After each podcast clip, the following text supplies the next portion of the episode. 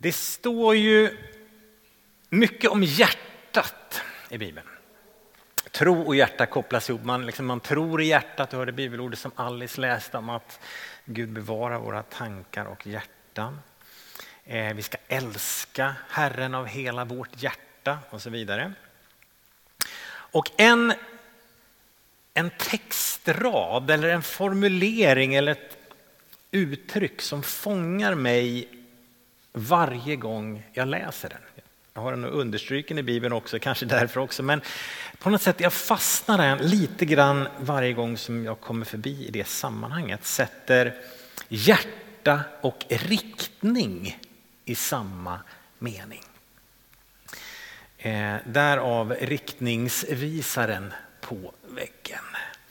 Eh, det är ju inte så konstigt för att mycket av livet med Jesus beskrivs ju i riktningstermer, eller hur? När Jesus möter lärjungarna första gången så säger han vad då?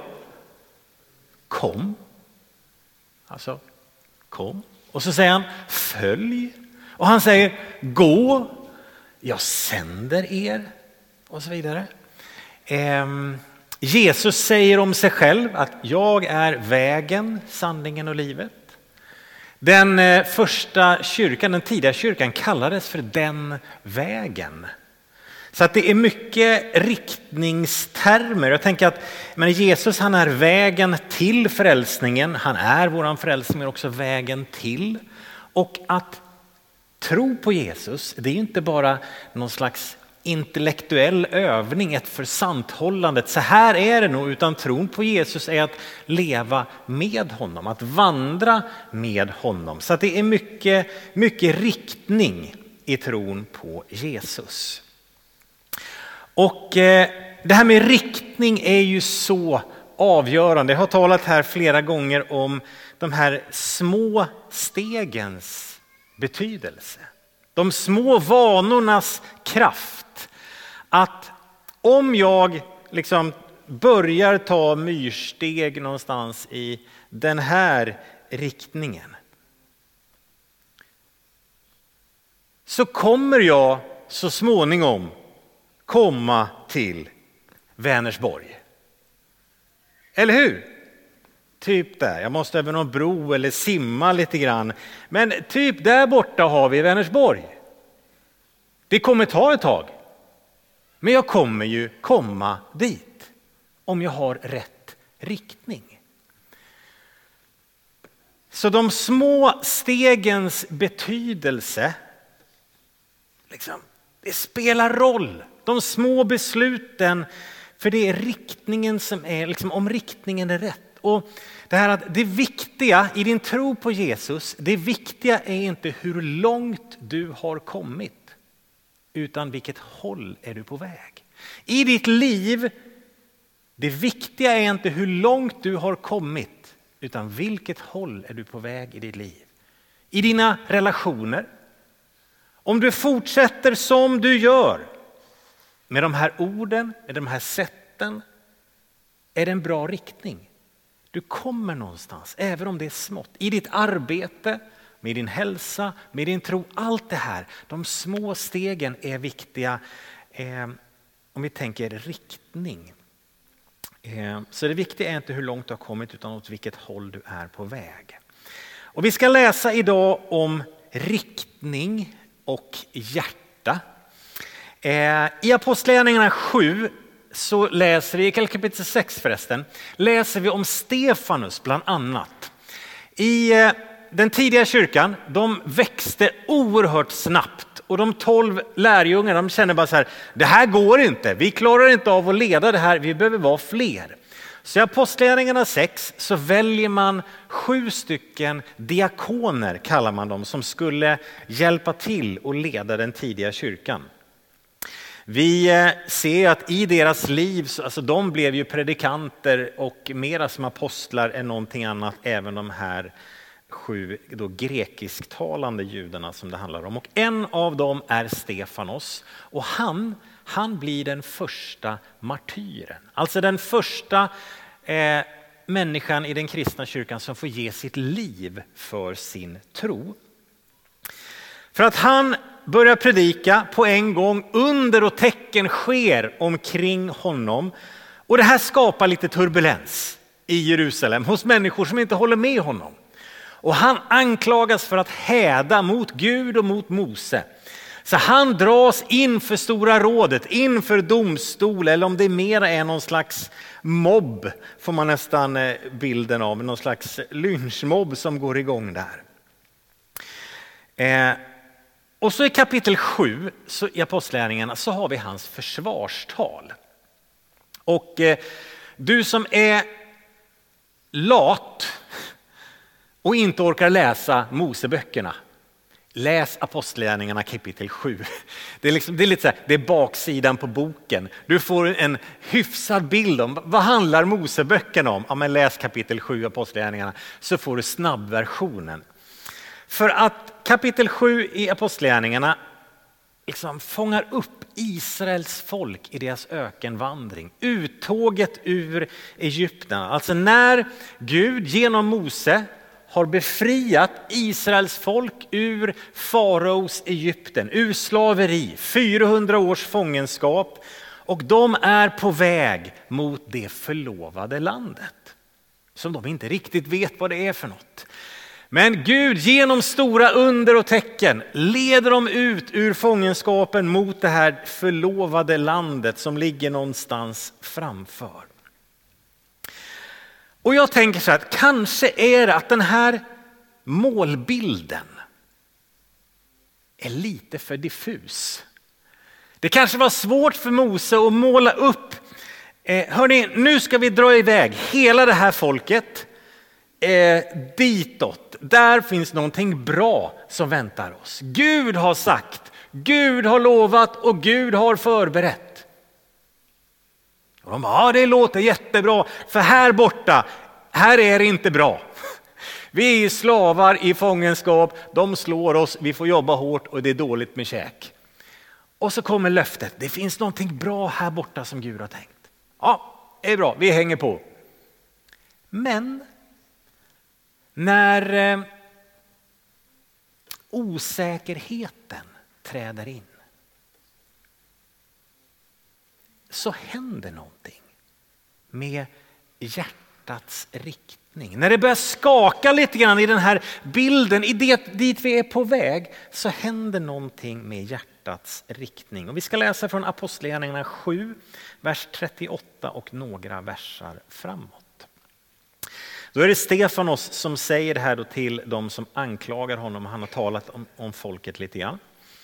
Det var han som i församlingen, alltså han Mose, eh, som i församlingen i öknen var tillsammans både med ängeln som talade till honom på berget Sinai och med våra fäder. Och han tog emot levande ord för att ge till oss. Det är då de tio budorden som han kommer ner med från berget Sinai.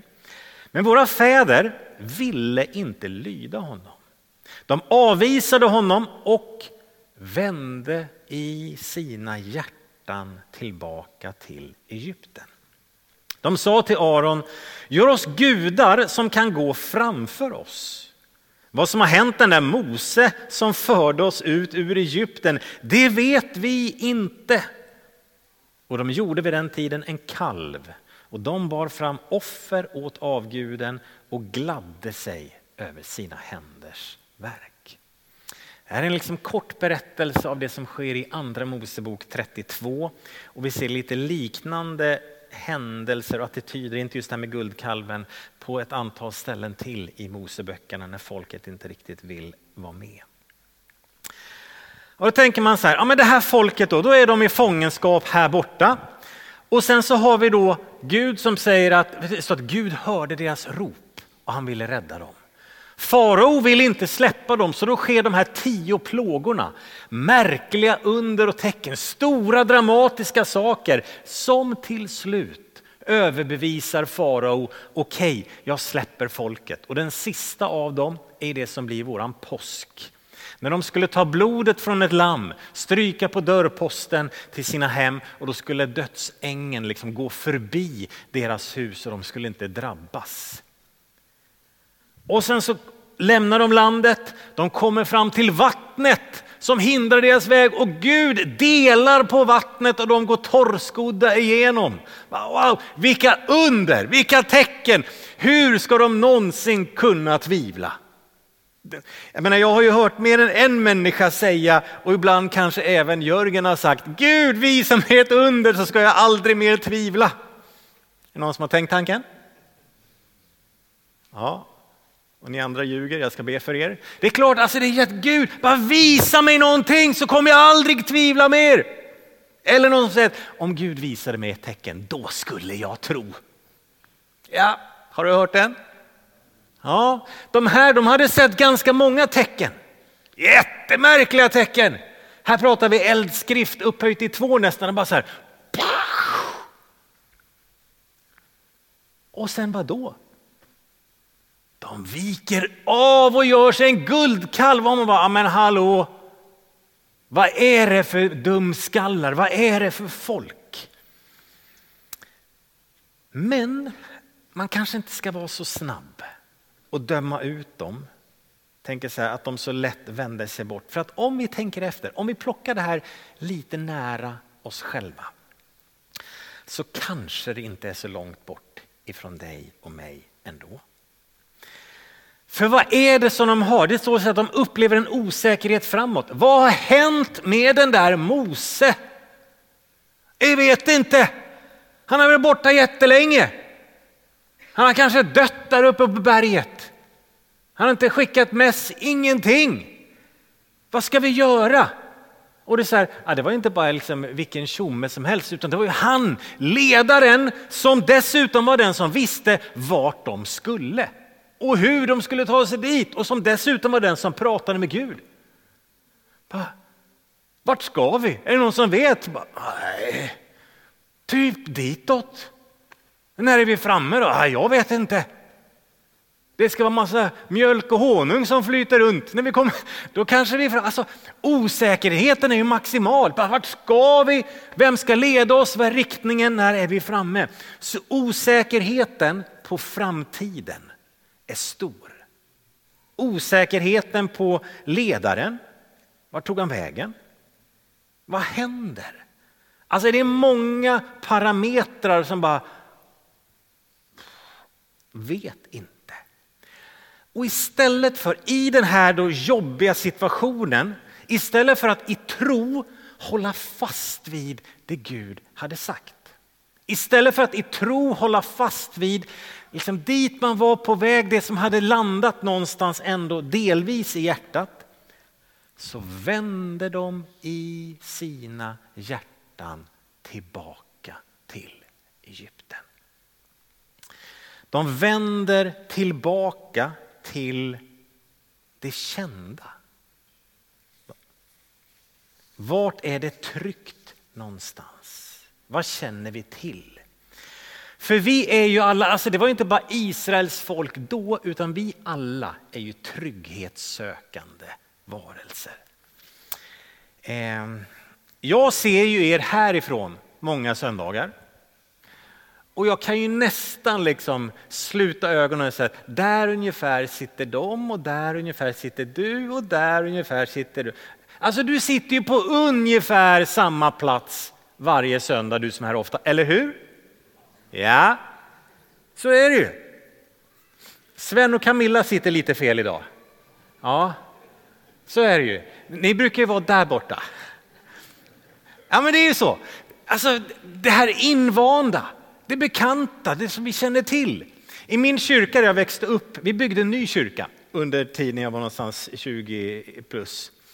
Och då under några månader firade vi gudstjänst i en skolmatsal 300 meter bort. För att vi fick riva den gamla kyrkan. Och hade man tagit ett kort framifrån sista söndagen i den gamla kyrkan och sen tagit ett kort första söndagen i en skolmatsal. Ja, men det såg ju likadant ut. Ungefär. Ja, de här brukar sitta i mittgången ungefär. Lite, ja, de sitter i matsalen ungefär på samma plats. Och de där brukar sitta längst bak i hörnet. Ja, de sitter, fast det var en helt ny lokal och man gick ungefär till samma plats. Vi söker trygghet, förutsägbarhet i så mycket. Pröva nästa söndag, kära vän. Bara byt sida. För nästa söndag kommer Lars-Ivar Nilsson hit. Han var föreståndare här för 12 år sedan och du som var med på den tiden. En del av er sitter på samma plats som ni satt då. Så förvirra honom lite grann. Byt sida. Ja, men för dig själv. Ja, oj, här kan man ju sitta också. Okay? Vi är trygghetssökande. Och Israels folk, de ville också sitta på samma plats. De ville ha lite kontroll, lite så här, vart är det på väg någonstans? Lite trygghet, lite känsla av att jag har koll. Liksom. Någon som pekar vägen framåt, som vet någonting som vi kan ta rygg på. De säger, gör oss gudar som kan leda oss. För den där Mose, han försvann ju tydligen. Och sen då den här raden, de vände i sina hjärtan. Där ja, den där fastnar jag vid gång på gång när jag läser apostlärningarna. De vände i sina hjärtan tillbaka. Trots att det var illa här borta. Det var ju slaveri. Det var misär. Det var fattigt. Det var hårt. Men, men hur kan ni vända tillbaka dit? Ja, men det är bekant. Jag känner till det. Ja, det är misär, men det är en misär jag känner till och kan hantera. Nästan allting är bättre än det okända. Det är ju fortfarande likadant med människan. En del som vadå? Vänder tillbaka in i destruktiva relationer. Varför då? Men jag känner till det. Det är bekant. Ja, det är misär, men jag på ett sätt kan hantera, jag vet vad det är. Eller människor som fastnar i en sjukdomsidentitet. Jag tänker Jesus träffar en sjuk människa vid ett tillfälle som varit sjuk i många, många år och han frågar liksom, vill du att jag gör dig frisk? Och det är en ganska befogad fråga ibland för det, det finns människor som fastnar i en sjukdomsidentitet där man knappt undrar, vill du bli fri ur det här? Varför? Ja, men det är bekant, jag känner till, jag, har jag vet min identitet och roll. Det är en misär som jag känner till. Vad händer nu när Mose är borta? Vart är vi på väg? Det, här, det är för okänt. Ta oss tillbaka där vi var. De vände i sina hjärtan tillbaka. Alltså, var det så att de verkligen ville gå tillbaka eller står det bara någonstans för riktningen i hjärtat, en önskan om att vi vill inte till det, vi måste tillbaka in i någonting som är tryggt och säkert. Och det ledde till en guldkalv, en avgud. Alltså något annat som tog Guds plats i deras liv. Någonting annat som tog Guds ords plats som riktningsgivare. För Gud hade ju talat genom Mose. Det finns någonting som väntar. Tänkte på det du eh, delade Alice om ångest, om rädsla för, vad var det du sa var definitionen? Rädsla för det, o, det okända, det man inte vet liksom. Rädslan för en os, liksom det här. Någonting annat som tog Guds plats. Eh, det här ovissa skapade en rädsla som gjorde någonting med deras hjärtan.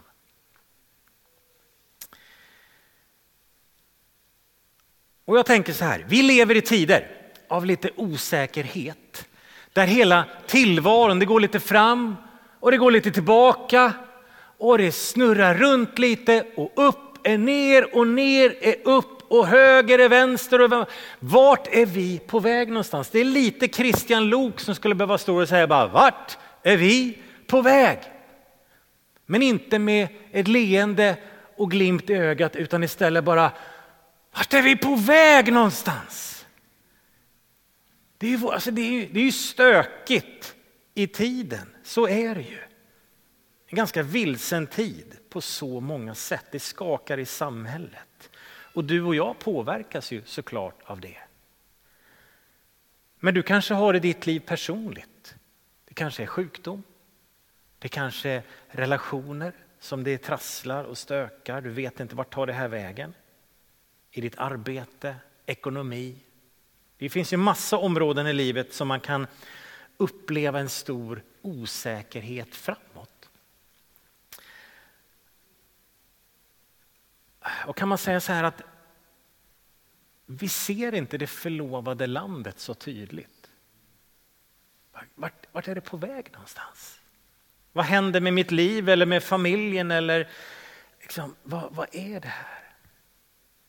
Och Guds ord, Guds löften, tron på honom, kallelsen till honom, den känns lite diffus. Gud, vad vill du? Gud, vart är det här på väg någonstans? Vad händer? Eller kanske till och med som de sa, vad det har blivit av den där Mose. Det vet vi inte. Du kanske känner så här, vad har det blivit av den där Jesus? Jag vet inte vart han tog vägen. Det känns inte som jag har stött på han på länge. Vart är du någonstans? Och så är det osäkert framåt. Och så söker vi, vad då? Vi söker trygghet. Vi söker någon slags känsla av kontroll, något förutsägbart. Och kan man säga så här att ja, det finns ett visst mått av kontroll här i Egypten. Tillbaka där känns ah, det här vet jag, det här kan jag sträva efter, det här fattar jag. Liksom. Det kan vara karriär och pengar, det kan vara utseende, det kan vara att vara omtyckt, det kan vara liksom, eller att vara som alla andra eller att passa in eller alla möjliga sådana här saker. Som i sig inte är, allt är inte fel. När Israel väl, när folket kom in i Israel till slut eh, och i perioder de hade det ju jättebra. Det var rikt och det flödade av mjölk och honung. Så att det är inte det här att pengar och att det går bra och man lyckas. Liksom, det är inte fel i sig. Inte alls, behöver det inte vara.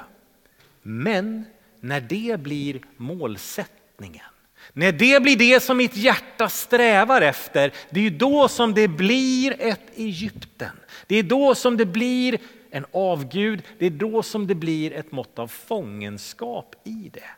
När mitt hjärta är vänt till det. Men att vi kan dra oss åt det för att vi söker det vi har visst mått av kontroll över.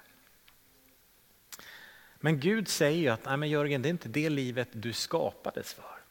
Det är inte det som jag kallar dig till utan jag har ju sagt någonting. Det finns ett förlovat land. Jag har en tanke, jag har en plan.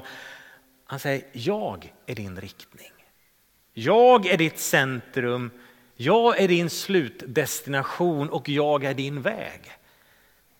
Han har en plan för dig, han har en god vilja för dig. Och relationen med honom, vandringen med honom i det som, där det finns en frid, som övergår allt förstånd, som bevarar våra hjärtan och tankar i honom. Där, det är hans förlovade land. Så riktning är avgörande. Vilket håll är mitt hjärta vänt? Vilket håll går mina steg? De små stegens betydelse.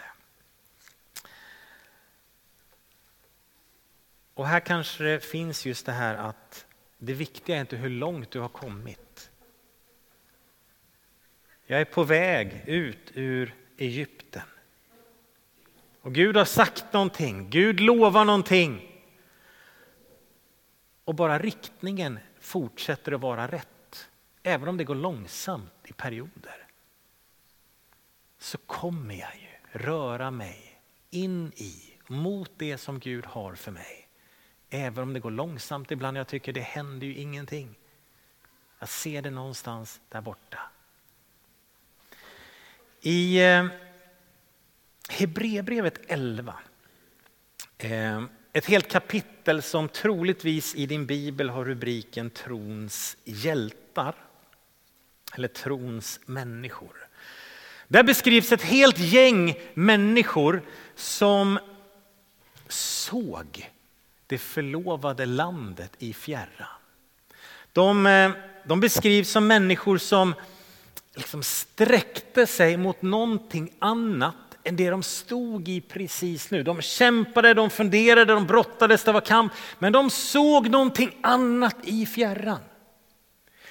Och grejen är att en del av de här människorna som står i det kapitlet, det står, det är, liksom, människor som levde efter att folket hade kommit in i landet.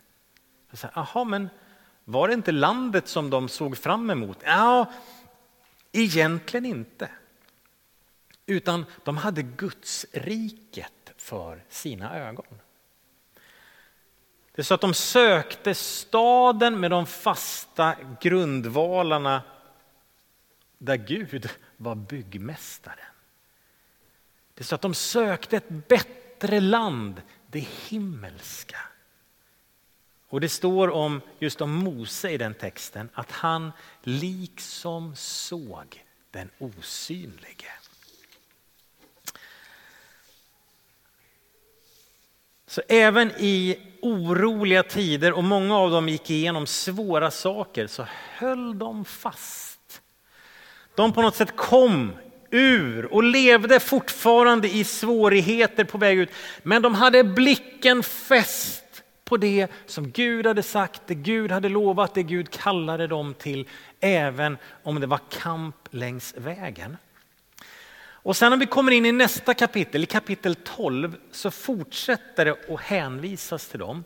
Och det står att det här gänget av trons hjältar, de står vid sidlinjen och eh, hejar på. Eh, hur många här inne har spelat någon slags lagidrott? Så här, fotboll, hockey, upp med handen, handboll. Ja. Ibland människor som står vid sidlinjen och berättar vad man ska göra är inte alltid poppis. Ah, gör mera så, spring mera så, varför gör ni inte så där? Det är ju skitlätt att spela fotboll från kanten liksom. Det är svårare när man är på plan. Vet du de här, de står vid sidlinjen och det är världens hejaklack. De hejar på och det står så här om dem. När vi nu har en så stor sky av vittnen omkring oss. Och det är alla de i kapitel 11. De står vid sidlinjen. Vi har en så stor sky av vittnen omkring oss. Låt oss då lägga bort allt som tynger och särskilt synden som snärjer oss så hårt. Och löpa uthålligt i det lopp vi har framför oss och låt oss ha blicken fäst på Jesus, trons upphovsman och fullkomnare. Den här skyn av vittnen, de kom ur elände och svårigheter och kamp och möda och misär och plågor. Och de, så de liksom höll blicken fäst vid. Hela vägen i tro höll de fast vid det Gud hade sagt. Ja, det var osäkert, det svajade, det var kampen och bara, de höll fast. Och idag så står de vid sidlinjen på planen där Jörgen spelar sitt livs match. De bara, kom igen Jörgen, håll blicken fast, släpp inte taget. Ja, nu fick du en spark på benet, nu stukar du foten igen, nu missar du frisparken. Ja, då gick det dåligt, men kom igen! Håll fast blicken, vart då? Vid trons upphovsman och fullkomnare. Han som var då upphovsmannen, han som sa en gång Jörgen ska bli till och jag blev till. Upphovsmannen till mitt liv. Han som en gång sa Jörgen vill du följa mig? Och bara ja, jag vill följa dig. Han är min upphovsman, men inte bara det. Han är också min fullkomnare. Och han som började här med mig, före jag fanns till, så tänkte han och ville, han såg det, fanns en, det, det kommer en Jörgen snart. Yes. Vi lägger ner de här gåvorna i honom. Jag tänker så här för honom. Vet du, han, han har tänkt hela vägen fram tills min vandring här är slut och in i det himmelska. Trons upphovsman och fullkomnare. Så den här skyn av vittnen, de står vid historiens sidlinje och bara säger Jörgen kom igen. Ha blicken fäst på honom. Trons upphovsman och fullkomnare. Det finns ett förlovat land, det finns en himmel, en evighet som väntar. Och på vägen dit, även om det är lite ökenvandring emellanåt. Ja, det skaver lite grann, det är lite varmt, det är lite svårt. Utan han kommer ta dig hela vägen hem. Släpp inte blicken. Riktningen för mitt hjärta, att det fortsätter vara Guds rike. Riktningen för mitt hjärta får fortsätta vara Jesus, även när jag inte riktigt ser. Även när jag inte riktigt förstår. Även när det blir lite osäkert omkring mig. Ett samhälle som bara, vart är vi på väg? Det är ingen som vet. Vart är ledarskapet? Ja, det är ingen som vet. Även när det drabbar dig, när du i ditt liv tänker så här, nu är det svårt. Sjukdom, relationer, ångest, vad det är som liksom du kämpar med. Jesus, jag håller blicken fäst på dig. Jag förstår inte just nu. Jag ser inte riktigt det här förlovade landet. Jag vet inte. Och att jag är lite vaksam på att det här hjärtat inte liksom dras tillbaka in i någonting annat som, ja, det här är en trygghet, här känner jag till. Nej, ja, det är lite osäkert Jesus, men jag fortsätter att gå med dig. Jag fortsätter att be till dig, även om jag inte riktigt har sett dig på ett tag. Tänker, vart tar du tag i vägen? Men jag tror och vet att du finns där. Paulus han skriver till församlingen i Korint att vi lever här i tro utan att se, men vi är vid gott mod. Hur bra är inte det? Jag kommer ur här någonstans. Gud har sagt att det finns ett förlovat land. Det finns en evighet, en himmel och för övrigt Jörgen så finns det ett Gudsrike att leva i. Bara, ah, nu är det suddigt, jag förstår inte, jag ser inte. Och då finns det en Paul som säger Jörgen, vi lever här i tro utan att se. Men vi är vid gott mod. Hjärtats riktning, jag håller i, jag är på väg dit fortfarande. Halleluja. Kan komma fram.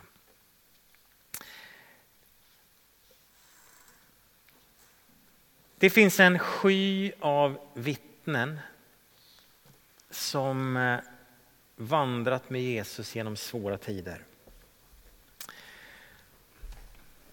Och där du står i ditt liv, den match du går just nu, jag vet inte om det är en bra match du spelar, om det känns som att det är hemmaplan eller bortaplan, om ni leder eller inte, eller om du känner att vi ligger under, det blir stortorsk i den här matchen.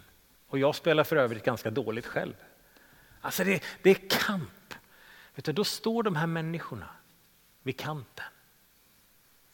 Så bara, Jörgen, jag har också spelat de här matcherna, livets match och ibland är det svårt. Ibland är det nederlag. Ibland gör det ont. Men de säger vad då? Ha blicken fäst vid trons upphovsman och fullkomnare.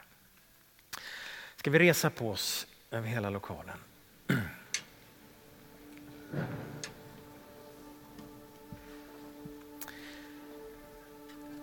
Och vet du, de säger så här till dig idag.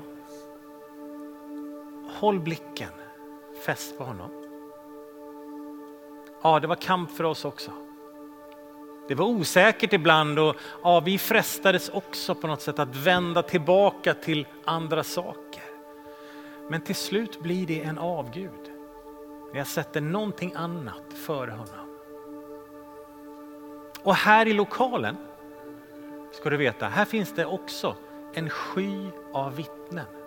I den här lokalen finns det människor som har vandrat länge med Jesus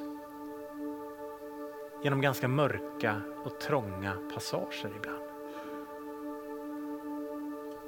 Och bara det att du är här fortfarande. Du säger någonting med din kropp bara du kommer hit, du min vän som har vandrat med Jesus länge i svåra passager. Bara att du är här, det säger någonting. Det säger att Gud är trofast. Ja, det har gjort ont. Det har varit svårt. Ibland i tider så har jag inte sett målet. Utan det har varit något slags förlovat land där som Guds ord har talat om, som jag har hört det berättas om, men jag ser inte. Men mitt hjärta fortsätter hålla fast, för jag lever här i tro utan att se. Det viktiga min vän är inte hur långt du har kommit utan vilket håll du är på väg med ditt liv. Vaka över hjärtats riktning och framför allt i lite oroliga tider. Framförallt när det stökar lite grann. Framförallt när tron kanske inte känns så självklar och på topp. Och det är lite diffust framåt.